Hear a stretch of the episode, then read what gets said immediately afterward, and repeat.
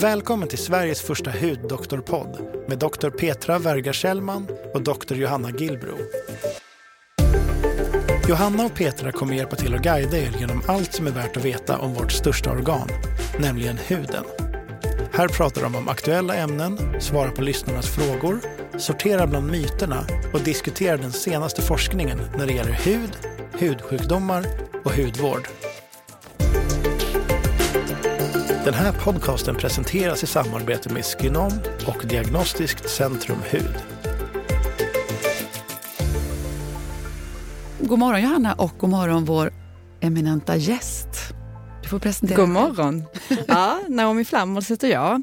Jag är allmänläkare och jag är grundare av Womni som är en digital tjänst inriktad på klimakteriet. Och det är så fantastiskt och vi känner till det och därför vi är så otroligt glada att, att få ha dig här idag. Tack, jättekul att få vara här. Och vi ska väl prata en del. Dels vill vi ju jättegärna bjuda våra lyssnare, även om vi huvudsakligen är en hudpodd, så vill vi ändå jättegärna bjuda våra lyssnare på din fantastiska grundläggande kunskap om eh, klimakteriet och får man säga för klimakteriet? Eller ja, du får berätta mer. Sen ska vi förstås väva in en del om ja, hur huden påverkas av klimakteriet också. Men eh, vi kommer att vilja veta väldigt mycket om själva klimakteriet. Berätta, hur börjar det? Vad händer? Ja, men man kan säga så här att klimakteriet, eller så kallat övergångsåldern, är en naturlig process för alla kvinnor. Och man kan säga att man går mellan den fertila och den icke-fertila tiden i livet. Det är en period som, som inträffar eh, väldigt individuellt för, för kvinnor, men man kan säga mellan 40 och 60 är tiden när klimakteriet inträffar. Klimakteriet är också en lång period. Det är väldigt lätt att man missuppfattar och tänker att klimakteriet är tiden när mensen försvinner. Men det heter menopaus och det är egentligen liksom ett specifikt tillfälle Klimakteriet är en lång process. Det börjar med att eh, ovarierna, alltså äggstockarna, de producerar mindre och mindre östrogen. Men även produceras det mindre och mindre progesteron, alltså gulkroppshormon, och testosteron. Så det händer mycket i produktionen av könshormoner. Och när det går ner och när det börjar svaja, då är man i klimakteriet som då är en lång process som kan vara mellan fem och tio år. Men ibland för vissa kvinnor liksom hela livet, när det väl har börjat hända, så kan man ha symptom många år efter att sista mensen har inträffat. Mm. Det eh, låter eh, som att det är en process som vi egentligen borde veta mycket mer om. Och att det, det känns som att det nu på, egentligen på senare år bara man överhuvudtaget har börjat prata mer om det här. Och många, faktum även om jag råkar vara hudläkare så är det ju ändå många som har olika sorters hudbesvär och folk frågar en del liksom om kan det vara kopplat till klimakterie och så vidare. Och jag känner att vi vet egentligen ganska lite om, om klimakteriet. Och jag får också många gånger frågan, kan man ta blodprover för att veta om man är i klimakteriet eller inte? Och jag har inget riktigt bra svar på det, för när man läser själv ibland så är det så här, ja, både och och det säger kanske inte så mycket och det, krävs, det är som att det krävs lite tolkning och så vidare. Har du, vad säger du om det? Ja, men jag är ju egentligen ett ganska bra svar, men jag ska konkretisera lite. Eh, man kan säga så här att är man en, eh, en kvinna som kanske är runt 50, har klassiska klimakteriesymptom och man inte tror att det är någonting annat, då krävs inga blodprov. För att man kan säga att diagnosen klimakteriet, det är kvinnans egna liksom, uppfattning om symptomen hon upplever påverkar hennes livskvalitet negativt. Då säger man att ja, men det här är nog klimakteriet och man kan om man då tycker att, att det är lämpligt pröva en behandling. Så att det är liksom kvinnans egna upplevelse av sina symptom och hur det påverkar henne som gör, om man bedömer det, som att man skulle kunna behandla. Men då när det gäller blodprov så är det så här att hos en kvinna som till exempel är tidig i menopaus, där man kanske misstänker att oj, vi har en 40-åring som har slutat menstruera och som har klassiska klimakteriesymptom.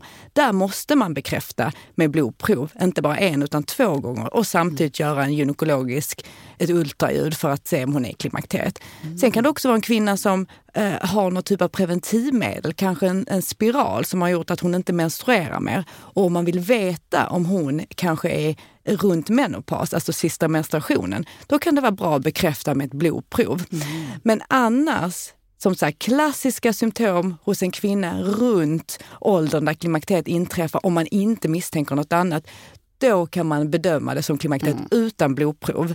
Men det ska också, man ska inte glömma att det kan ju vara andra saker. Allting har ju inte att göra med hormoner och klimakteriet. Och tänker man, det här kan vara till exempel en sköldkörtelproblematik. Man kanske kan ha järnbrist eller liknande. Då ska man ju också ta blodprov för att utesluta att det inte är något annat. Och man ska komma ihåg, man kan göra två saker samtidigt. Just det. man kan vara i klimakteriet och ha problem med till exempel sköldkörteln. Mm. Exakt. Ja, det är inte lätt det här, hormonerna. Det är som ett finstämt piano som man helst vill ska liksom ja, spela. Mm. Men och, de här klassiska symptomen då, berätta när, när en kvinna kommer till dig. Hur, hur mår hon och vad är symptomen som man kan hålla utkik. Mm. Alltså, de flesta känner ju till vallningar och svettningar och så vidare. Men, men det, det är så mycket mer har vi hört. Ja, det mm. finns mycket. Jag brukar ju säga att klimakteriet handlar ju mycket mer om livet än mm. om underlivet. Mm. Och det får jag bekräftat varje dag när jag jobbar. Att, att så är det. Det handlar om så mycket mer. Mm. Och det är därför det är också väldigt komplext. Mm. Och, och därför kan det också vara en sjukdomstillstånd som man kan missa. För att det låter som det är något helt annat. Men man kan säga så här, och det där tycker jag är viktigt att belysa, det är att man, man hamnar ofta, skulle jag säga, tidigare i klimakteriet än vad jag tror att man tror. För man har tänkt att det är den här gamla kvinnan, det är den gråa kvinnan som slutar menstruera och hon är i klimakteriet. Mm. Men, men, men så är det ju faktiskt inte utan våra hormoner börjar ju förändras. Jag skulle säga att den vanliga åldern är runt 40-45 där de flesta av mina patienter, de är runt den åldern. Där bör de uppleva att menstruationerna kanske blir lite kortare när det gäller cyklarna mm. och PMSen förvärras. Det är den klassiska ja. liksom, första delen av det jag kallar premenopaus. Ja, vad får man säga här? Ja. Jag hörde det här ordet för klimakteriet så många gånger men jag har ju faktiskt lyssnat på dig tidigare och jag tror att man undviker det ordet. Va? Men jag gör det för jag tycker att det låter fel. Det är fel. För förklimakteriet är ju något som något innan klimakteriet. Ja. Men den delen som folk menar när de säger förklimakteriet, det är inte premenopaus som Nej. jag precis nämnde, utan det är perimenopaus. Mm. Och runt alltså, och runt omkring klimakteriet. Tiden innan mm. mensen försvinner. Mm. mm. Och det är för många kvinnor den absolut jobbigaste perioden. Mm. Eh, man har oftast längre cyklar. Det kan vara att mensen hoppar över några cyklar och sen kommer den och sen kommer den regelbundet. Och ofta är blödningarna kraftigare. Det man har då, det, det, det som händer är att östrogenproduktionen går ner så pass mycket att man inte får en ägglossning varje månad. Och då får man så kallade anovulatoriska blödningar. Alltså utan, mm. utan att det ligger en ägglossning bakom. Utan slemhinnan i livmodern bara börjar stötas av och det blir ofta väldigt kraftigt och väldigt jobbigt för många mm. kvinnor som blöder igenom, måste ha trosskydd, måste ha tamponger och de, kan liksom, de blir ibland hämmade i sitt vanliga liv.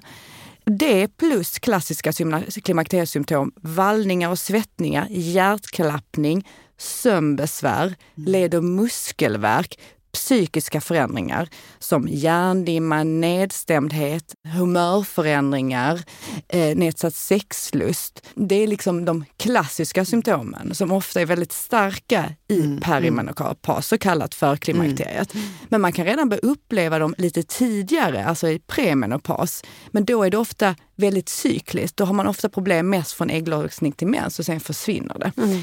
Så jag skulle säga att det är de klassiska symptomen. När man sen kommer i menopaus och man är över liksom den menstruerande fertila tiden, då är de vanligaste symptomen i underlivet, alltså man har ett torr i underlivet, eh, det kan skava, man kan få sår, man kan ha problem med samlagssmärta, mm. problem med att man läcker läcker. Har man läckt lite innan så kanske man läcker mer.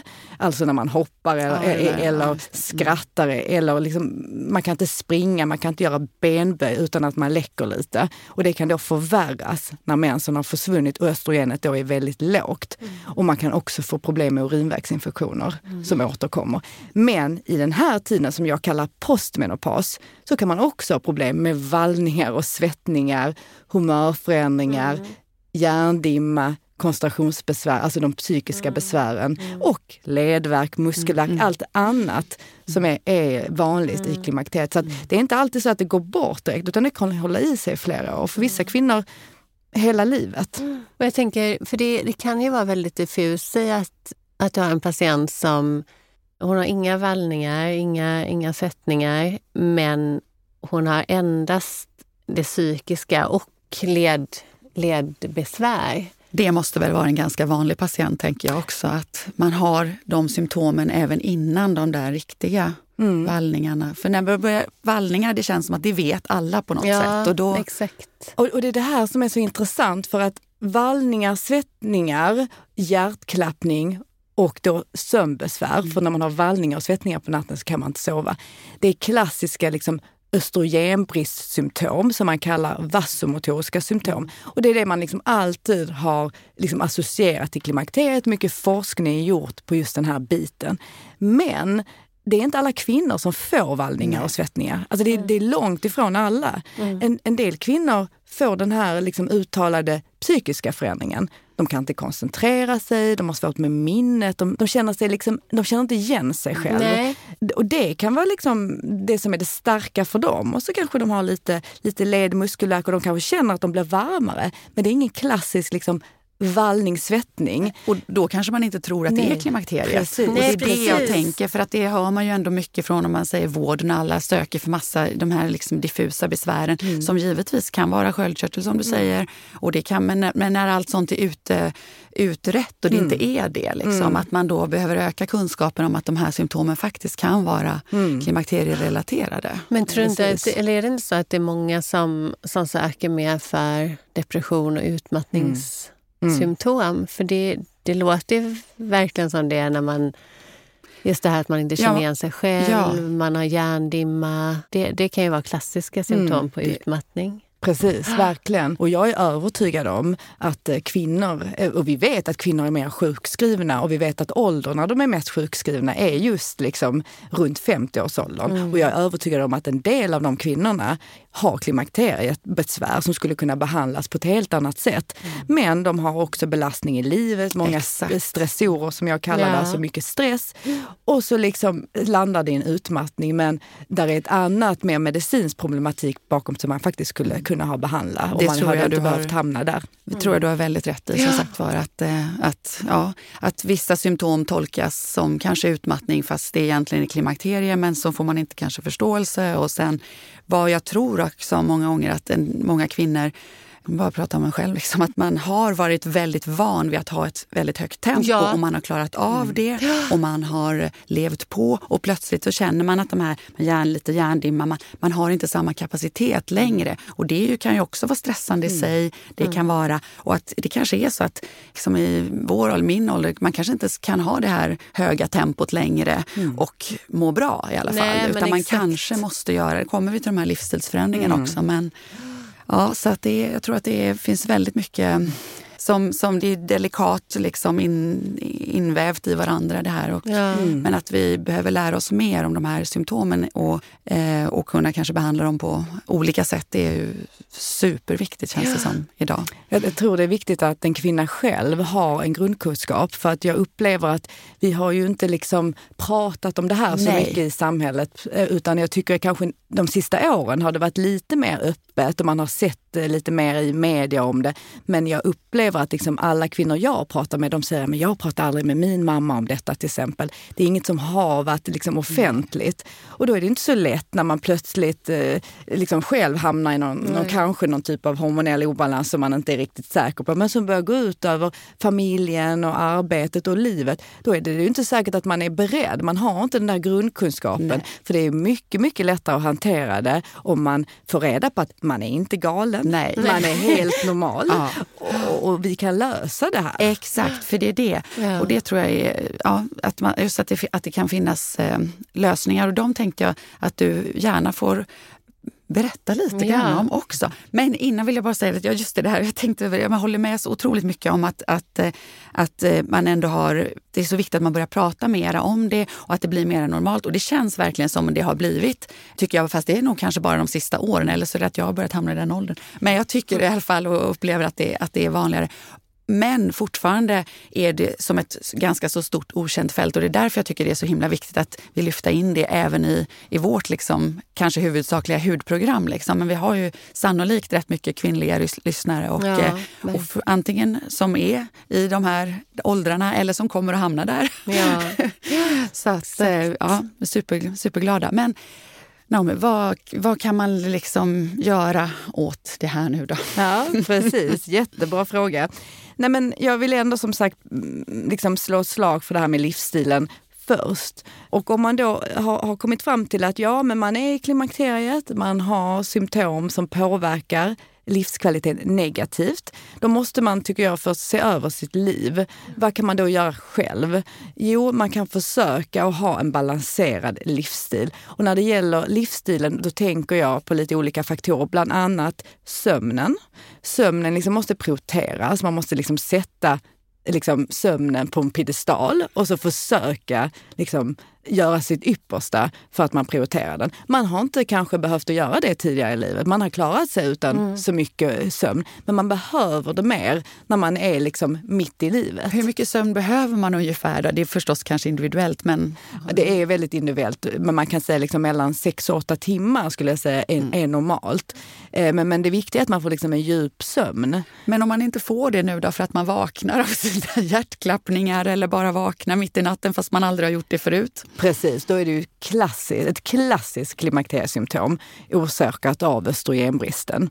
Så att det är inte så att alla livsstilsförändringarna kommer att ta bort klimakteriet, men jag tycker ändå det är viktigt att man ser över mm. det och tänker att ja, men, jag måste ta hand om mig själv lite mer. Jag är ingen tonåring som, som kan gå från nattklubben till jobbet mer. Liksom jag, jag, behöver, jag behöver återhämtning och återhämtning är ju en annan livsstilsfaktor som man också ska verkligen bejaka. Man kanske inte kan pressa sig sju dagar i veckan med, med intensiva schema utan man måste liksom prioritera återhämtning och det är ju väldigt individuellt. Är det en promenad? Är det gå upp på en bergstopp och stå och titta? Är det yoga? Är det meditation? Men återhämtning i sitt schema behöver man mm. när man är kvinna Men många säger ju så här, men jag tycker allting är så roligt så att jag vill liksom, jag är bara, tycker bara det här är inspirerande så att jag, allt jag gör är bara kul. Men man, ja, ja. ja och det är ju fantastiskt om, om man orkar.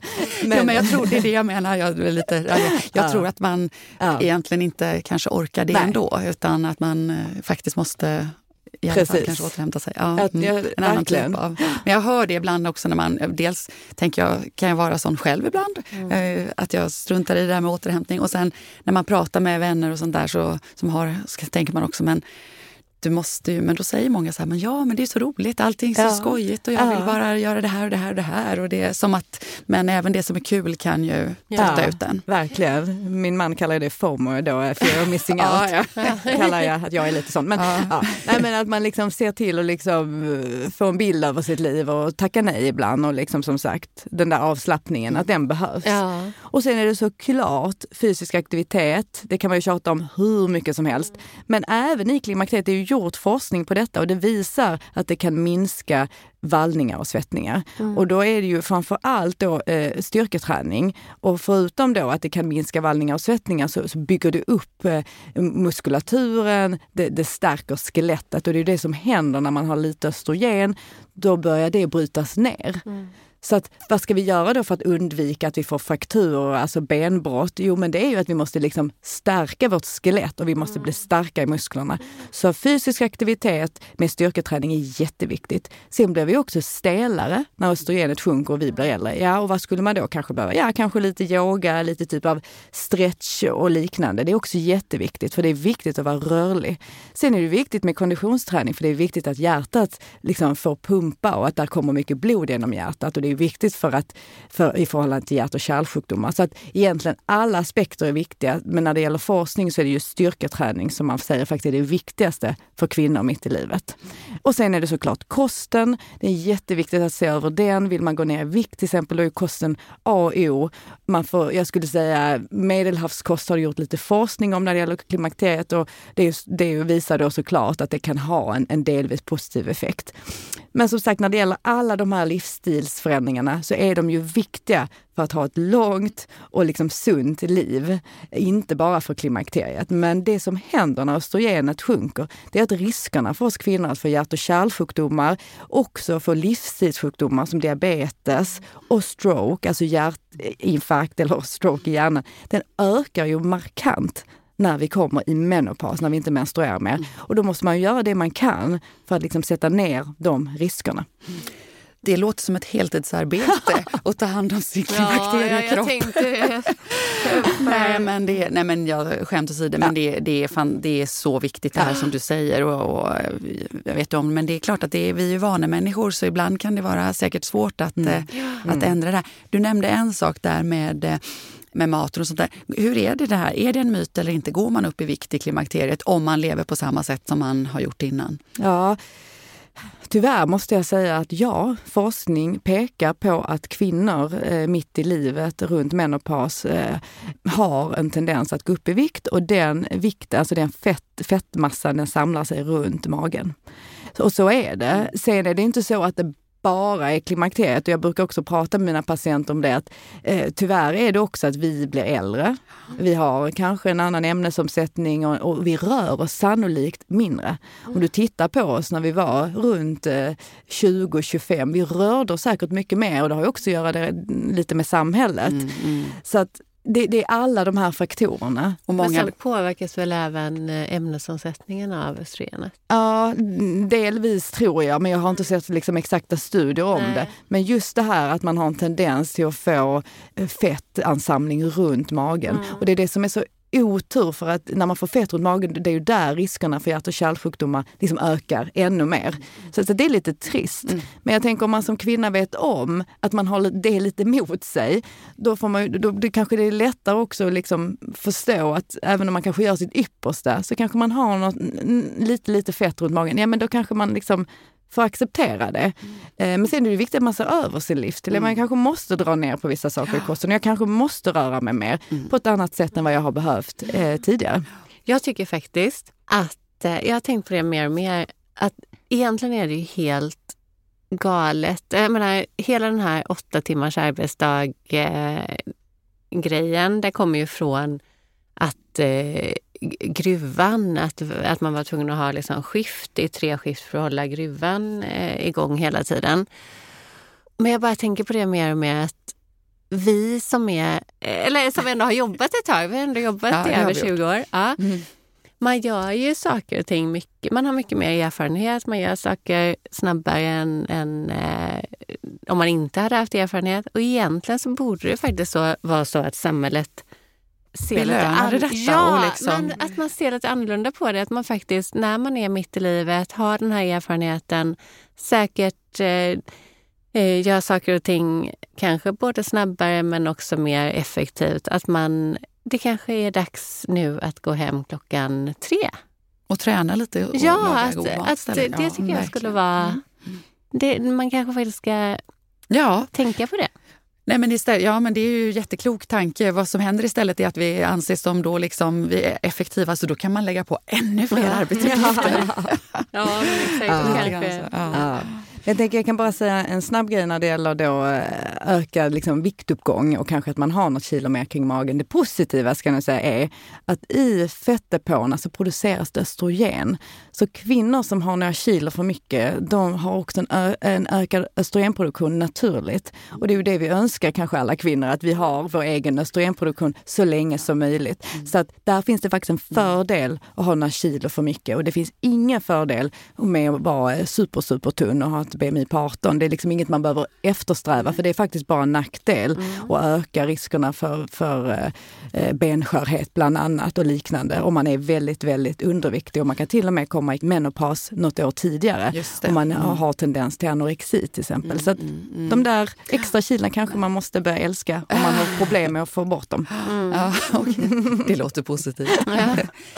Men eh, dessa livsstilsfaktorer är ju super, super, super viktiga och det har jag förstått och jag, ja, jag skulle önskar att jag blir bättre och bättre på att ta till eller att försöka efterleva dem. Ja, jag försöker, men eh, ibland, så, ibland är det svårt. Men hur är det då om man eh, kan man, det, tyvärr så kan man väl inte gå den enkla vägen och att säga så här, nej men det här orkar jag inte med. Liksom, jag orkar inte sova, träna så där mycket utan jag käkar östrogen istället. Men det är inte riktigt så enkelt att det bara går att fixa, eller? Nej, men man kan säga så här att Eh, hormonbehandling är ju det som har absolut bäst effekt. Alltså så är det, hur, hur man än eh, tittar på det. Det finns ju studier som visar att akupunktur har bra effekt på vallningar och svettningar. Ja, eh, kanske för några kvinnor kan det hjälpa lite, men Alltså östrogen eh, har ju den bästa effekten, så är det. Så att har man väldigt mycket besvär eh, och det påverkar livskvaliteten negativt och man inte har några riskfaktorer som gör att man inte kan få östrogen, då är det ju något man kan börja prata om såklart och något man kan behandla med. Och då är det så här att när man behandlar en kvinna så, så måste hon ha även gulkroppshormon. Man kan inte bara ge östrogen. Och detta är för att livmoderslemhinnan, den blir tjockare och tjockare och tjockare om man tar östrogen. Och då måste man ha något som dämpar det. Och då är det ju ett gulkroppshormon. Mm. Och gulkroppshormon, man har olika namn för detta. Mm. Syntetisk estagen är det som är, är såklart mer syntetiskt framtaget och finns i p-piller bland annat. Och det känner nog många till. Och sen finns det också när man behandlar för klimakteriet något som heter bioidentiskt progesteron. Och progesteron är också gulkroppshormon. Det är bara det att det är lite mer kroppseget. Det ska likna mer kroppens egna då gulkroppshormon, progesteron. Men båda är ju ändå framtaget i ett labb om man säger så. Så det är inte så att den ena är taget från kropparna. Om man säger så, liksom, men, men det är mer naturligt om man, om man säger så. Och sen har det ena för, det, det har både för och nackdelar. Så det är inte så att det naturliga, liksom att det är det alla ska ha, utan det är olika. Det finns många olika typer av syntetiska stagen eh, och i Sverige finns det ett typ av bioidentiskt progesteron. Men man måste alltid kombinera dem med östrogen när man behandlar i klimakteriet om man har sin livmoder kvar. Har man tagit bort sin livmoder, ofta på grund av kraftiga blödningar i perimenopaus, alltså förklimakteriet, då behöver man inte Nej. gulkroppshormon. Då räcker det med östrogen. Mm. Men hur är det med progesteronet då? Är inte, har inte progesteronet en del positiva effekter i sig då? Mm. Så att säga? Mm. Så att jag har läst en del och en, många kvinnor verkar tycka att själva progesteronet i sig har mm. en liksom, positiv effekt. Har du, några, har du något? Absolut, detta är en väldigt, eh, väldigt bra observation och jag håller helt med dig. Med dig. Alltså, min erfarenhet är att kvinnor också behöver lite gulkroppshormon för att må bra. Det är ju så när man tittar på liksom en graf, då ser man att det som händer först är att progesteronet börjar liksom falla innan östrogenet börjar falla. Så att man kan säga att när man, kom, när man är tidigt i, i hela den här hormonkarusellen, då är det ofta progesteronet som, som börjar spöka och som kanske behövs.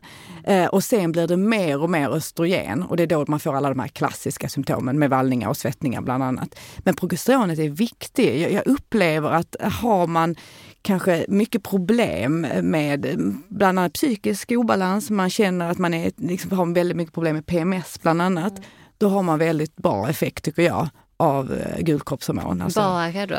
Ja, då kan det vara bara, precis. Och då kan man behandla på lite olika sätt. Men just att man använder, precis som du säger, gulkroppshormon, eh, alltså gestagen mm, eller mm, progesteron. Mm, mm. mm. Det, för det. Så man ska inte glömma bort det. Men Nej, man, man kan för det känns som att man mest ja. bra har alltid pratat ja. om, om eh, östrogenet. Och jag tänker lite på när vi pratar om huden, där vet jag inte egentligen, där pratar vi egentligen bara om östrogenet också. Östrogeneffekter. Det finns ju lite studier faktiskt på pro progesteron progesteron, till och med topikal applikation av progesteron.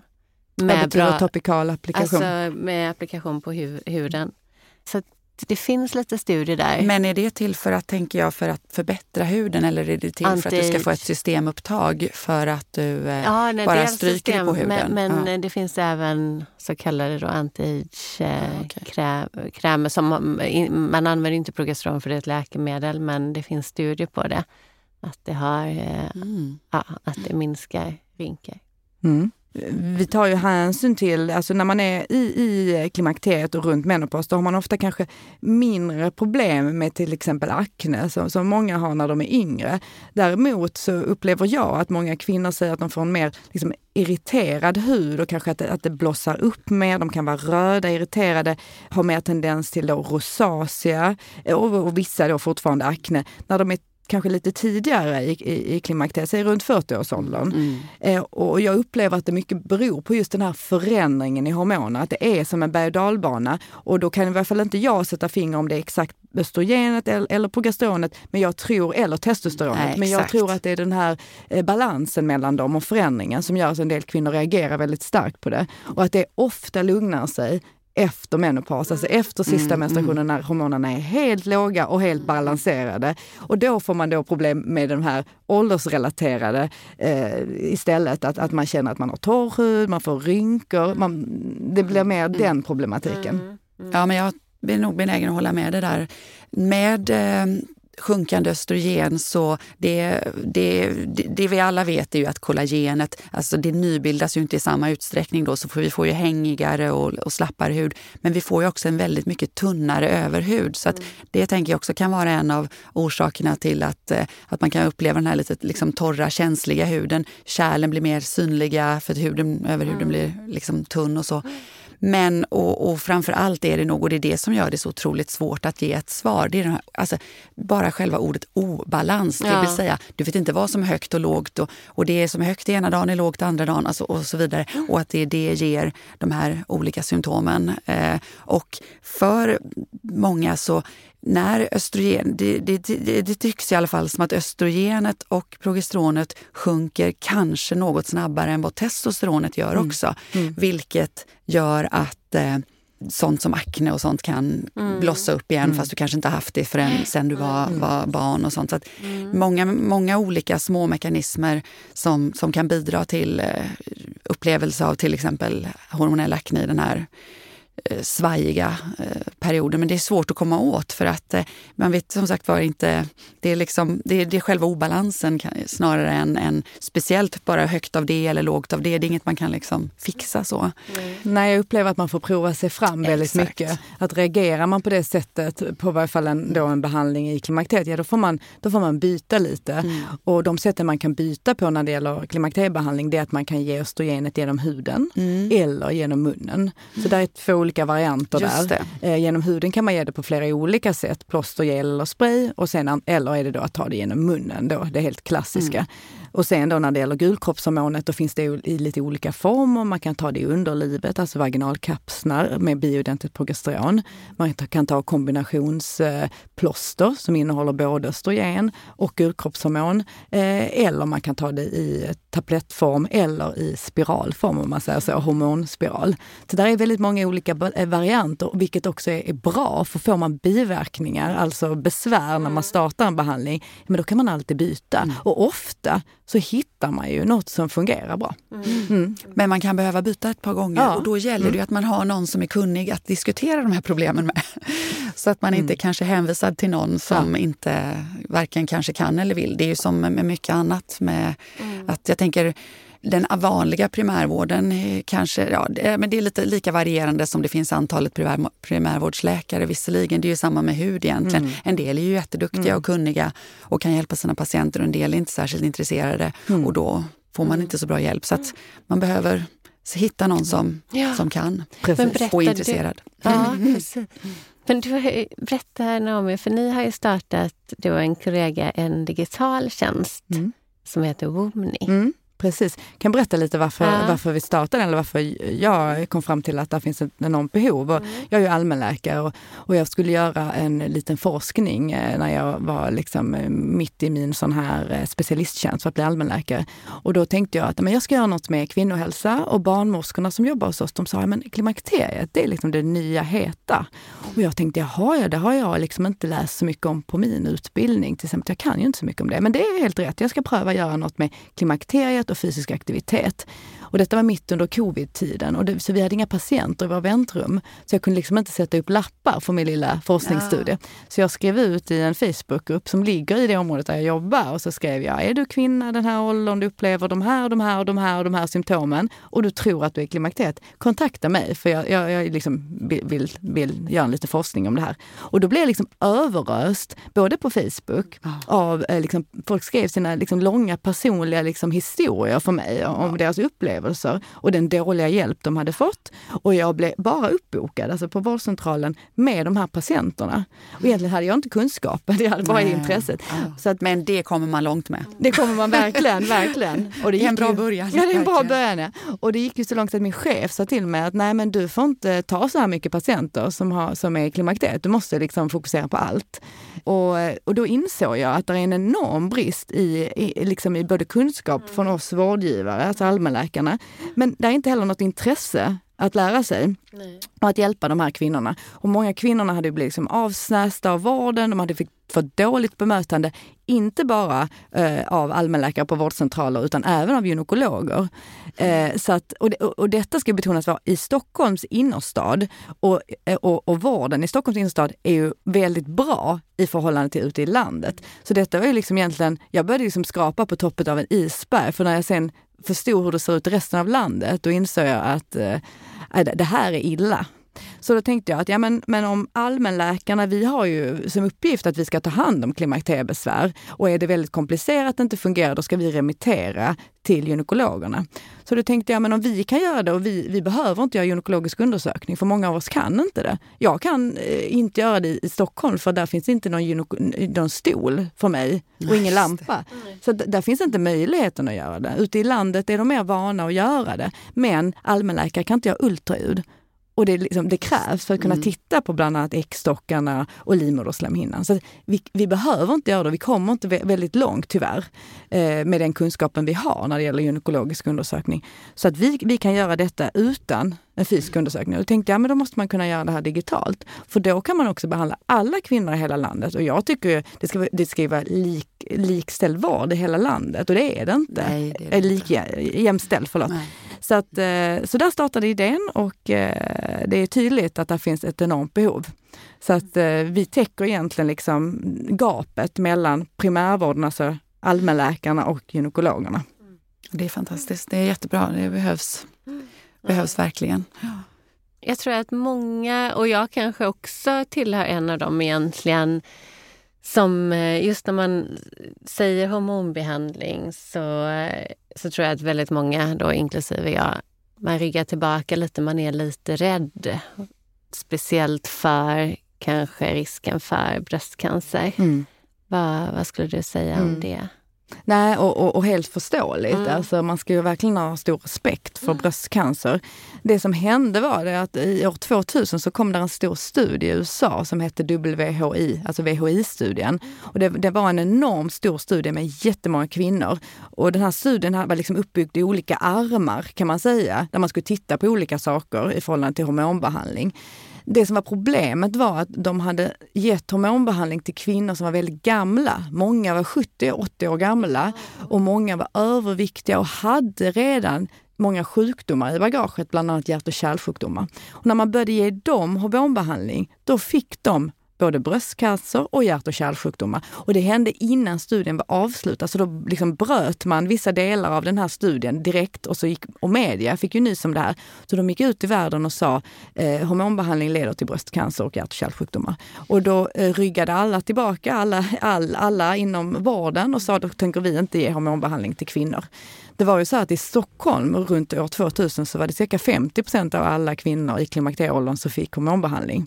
Eh, idag är det runt 8 procent. Mm. Så det är stor skillnad, för det liksom rasade då. Och det som har hänt i Sverige är att man har inte prioriterat det efter den här studien. Eh, däremot vet man idag att studien var helt feldesignad.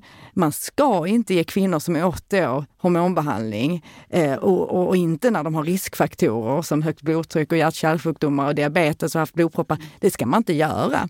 Utan det man vet idag är att om man startar en hormonbehandling i nära anslutning till sista menstruationen, alltså några år innan eller några efter, då har det en positiv hälsoeffekt. Det gör att man får en minskad risk för hjärt och kärlsjukdomar och även minskad risk för benskörhet eh, och en del cancerformer kan minska också när man får östrogen i nära förbindelse koloncancer till, koloncancer till exempel. Så att det finns många positiva effekter med östrogen och det ska man liksom mm. inte glömma bort. Eh, det är så att de första fem åren när man behandlar med östrogen så är det en väldigt liten ökad risk för bröstcancer. Risken är inte stor. Men efter fem år så ökar den risken något. Men det är olika beroende på vilken behandling man använder, hur man kombinerar östrogenet med gulkroppshormonet. Och, och sen är det såklart väldigt individuellt, för har man väldigt mycket risker i sin familj till exempel för bröstcancer, mm. ja men då kanske man ska tänka till. Sen får man behandla kvinnor som, bara man inte har haft bröstcancer, för de kvinnorna får inte östrogen genom huden eller genom munnen. De kan få lokalt östrogen i underlivet, vissa, vissa typer men inte alla. Men, men annars så kan de flesta kvinnor få hormonbehandling. Men man måste ju veta vad man mm. gör. Man kan välja en svagare dos, mm. man kan välja olika kombinationer. Mm. Och när man gör det så är det lite olika risker också. Mm. Sen ska jag också eh, poängtera att ett högt BMI på 35 till exempel och över, vilket är väldigt vanligt i Sverige idag. Har man, har man Lite det, hög riskfaktor för bröstcancer. Högre risk för ja, bröstcancer ja, och andra eh, cancersjukdomar och hjärt och kärlsjukdomar än vad eh, en, en lågdos östrogen har mm. ihop, med, ihop med guldkroppshormon. Så det, det, är viktigt att man har liksom att livsstilen, man kan inte bara säga att, ja, att, att man, man röker, man dricker och man har BMI över 35 för då, då, är inte hormonbehandlingen, den är inte enormt hög. Men det är klart alla de här pottarna ihop kan bli en väldigt mm. hög risk mm. för sånt vi såklart inte vill, vill att en kvinna ska få. Så att jag tycker att det är mycket att se på, eh, men jag tycker inte man behöver vara rädd eh, för bröstcancer eller hjärt och kärlsjukdomar. Mm. Har man mycket besvär så tror jag att många kvinnor tycker att liksom, risken väger upp mm. Eh, för att ett stort besvär. Ska man gå med det i 10 år eller 15 år och man har svårt att jobba, man har svårt att sova, man har svårt med relationen, mm. livet. Då är det ju inte värt det. Nej, exakt. Och om jag tänker gulkroppshormon då, eller progesteron, eh, ser man några risker där? Om man bara skulle om man bara behandlar med gulkroppshormon, då är vad vi vet idag så finns det inga risker. Nej. Det finns inte jättemycket studier på det men, eh, men, men nej, det påverkar inte brösten i varje fall. Så kan nej. man säga. Det gör ju att livmoderslemhinnan blir lite tunnare, precis som klassiskt syntetiskt eh, eh, gulkroppshormon. Mm. Och vad vi vet så ökar det inte på något sätt brösttätheten men egentligen inte heller risken för, för cancer i, i livmoderslemhinnan. Nej. Och då kan man säga så här, skulle man ta jättehög dos till exempel av bioidentiskt progesteron, ja men då kanske det kan påverka levern till exempel. Så man ska ju ändå ha respekt för läkemedlen. Mm. Men bara guldkroppshormon, eh, vad vi vet, har inte någon risk på det sättet. Mm. Nej. Och det är när man kombinerar östrogenet med guldkroppshormonet som man får den här lite ökade risken. Men inte när man bara tar östrogen eller Nej. bara eh, guldkroppshormon. Mm. Det är just det, det är som är intressant.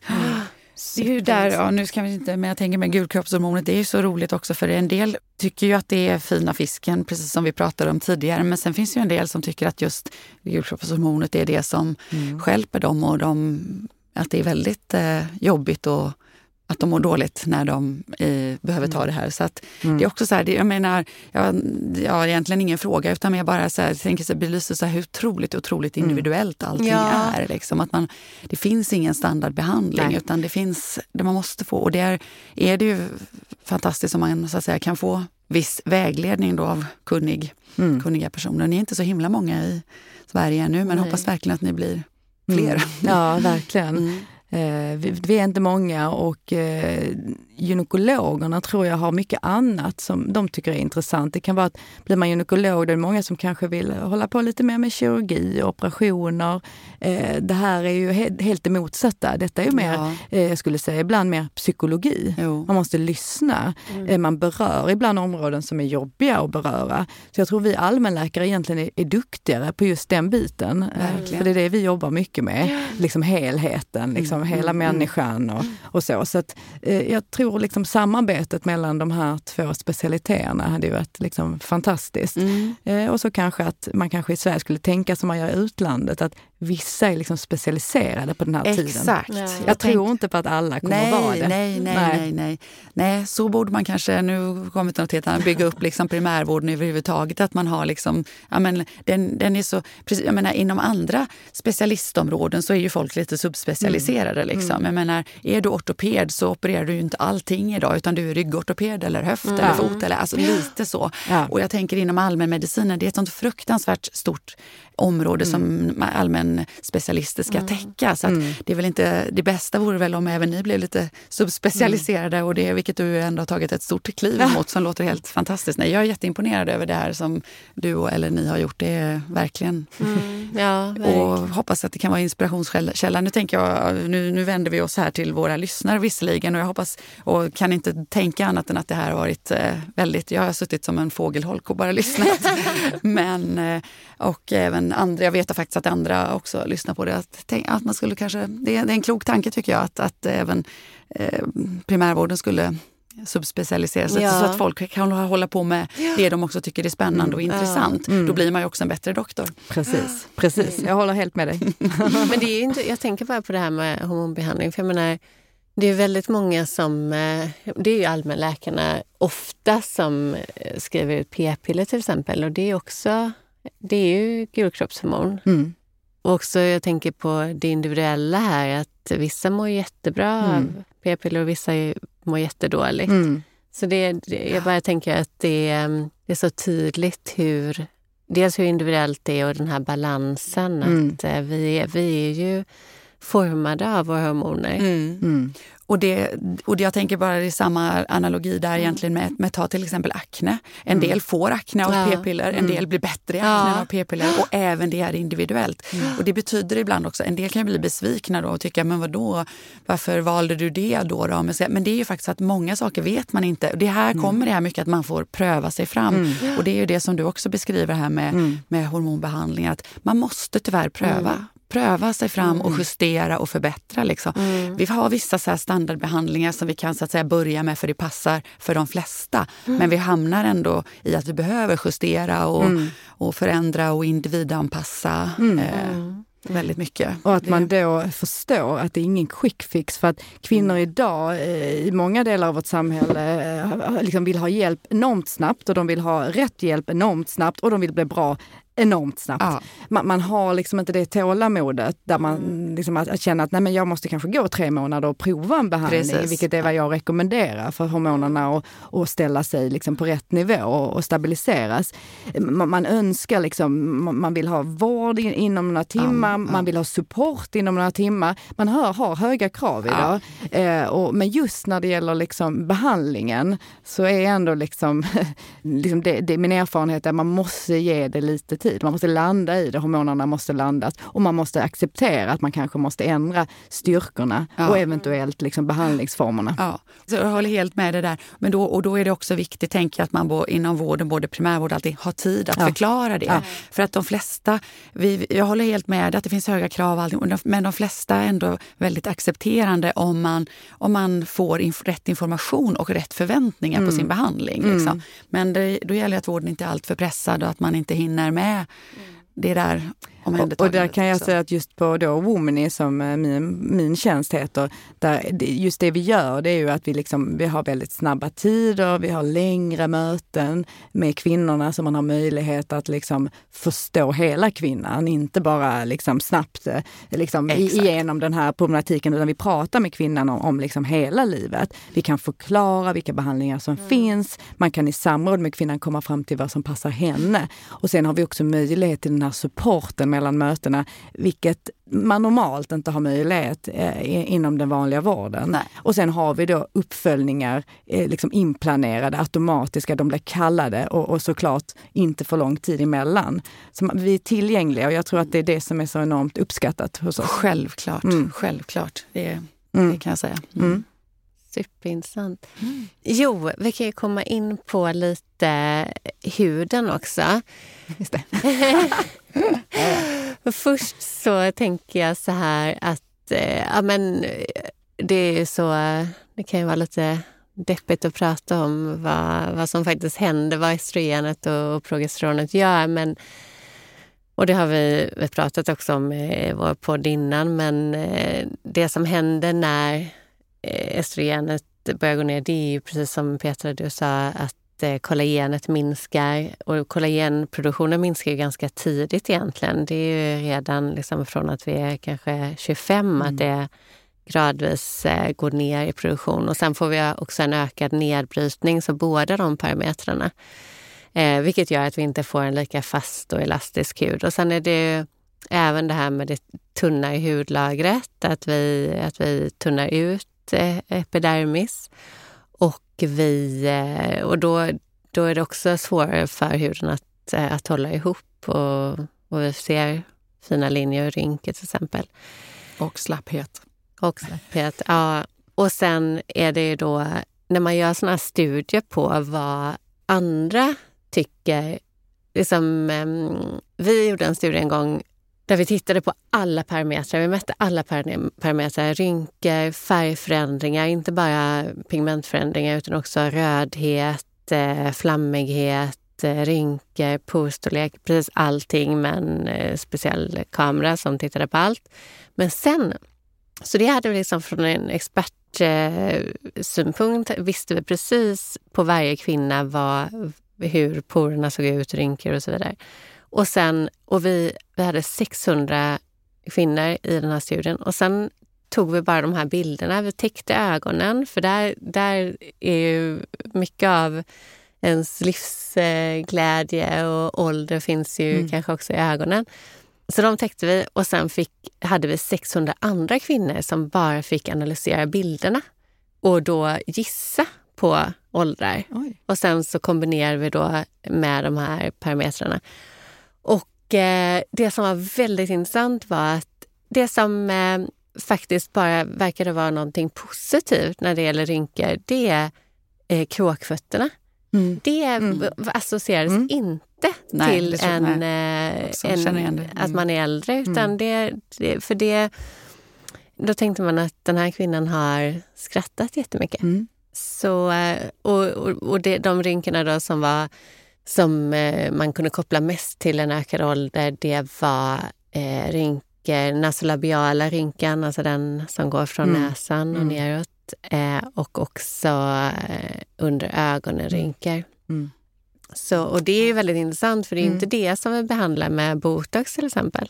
Eh, utan det är ju oftast bara pannrynkorna. Mm. Precis. Ja, det rynkor ska vi alla få. Men, men då att, tänker jag så här, en följdfråga på det.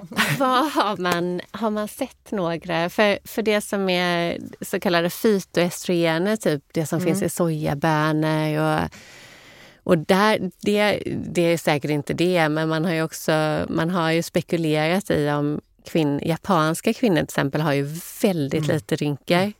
De har en sån hög luftfuktighet bland annat, tänker jag också. I ja, för sig, exakt. I, mm. och, det är inte och sen undviker många av dem sol. Ja. De går ju med paraplyer ja. och så vidare. Ja. ja, men så är det ju självklart. Men, men de äter ju också väldigt mycket fytoöstrogener.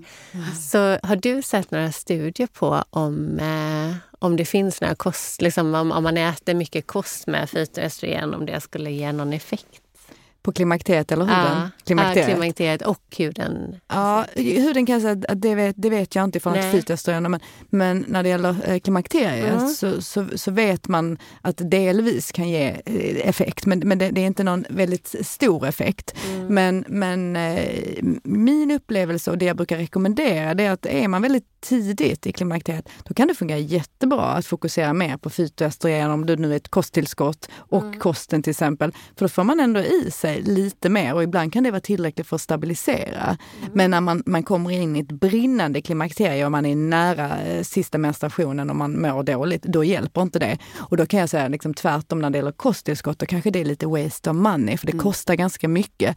Sen kan man ju alltid tänka på att få i sig lite fytoöstrogener i kosten, för det kan vara väldigt bra. Mm. Men när det gäller de här dyra kosttillskotten, då kan det ha effekt i starten. Men jag upplever inte att det är tillräckligt potent, Nej. alltså starkt, eh, när man har mycket symptom. Nej. Mm. Det som är mycket inom, ja, men mycket inom ja, hudvård, som det har vi också pratat om tidigare mm. ibland, att vissa saker visst det kan ha effekt men frågan är om det har så mycket effekt ja. som, som, ja. vi, som man verkligen vill. Det, ja. liksom, det är det som är grejen. Det är så marginella små effekter kanske men ändå. Mm.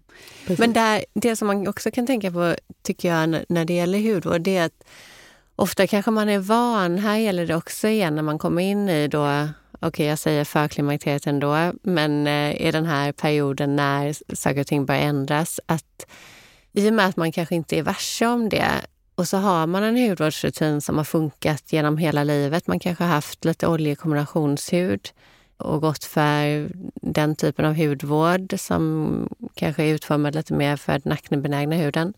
Då är det många gånger att man behöver ju ändra sin hudvårdsrutin mm. och mm. ofta ha lite mer fett än vad man kanske är van vid, mycket mer fukt och så vidare. Så det kan också vara bra att tänka till att, eh, för det, det, upplever jag många gånger att eh, ja, men man kanske inte riktigt har, precis som vi pratade om att saker och ting har funkat jättebra, man har kunnat jobba jättemycket utan återhämtning och så vidare. Och likadant med hudvården, att de här krämerna mm. kanske har funkat jättebra för en. Och nu börjar man märka saker på huden, mm. men då kan det vara värt att, mm. eh, att byta hudvårdsrutin. Mm. mm. Det stämmer. ja, nej men jag håller, jag håller bara med.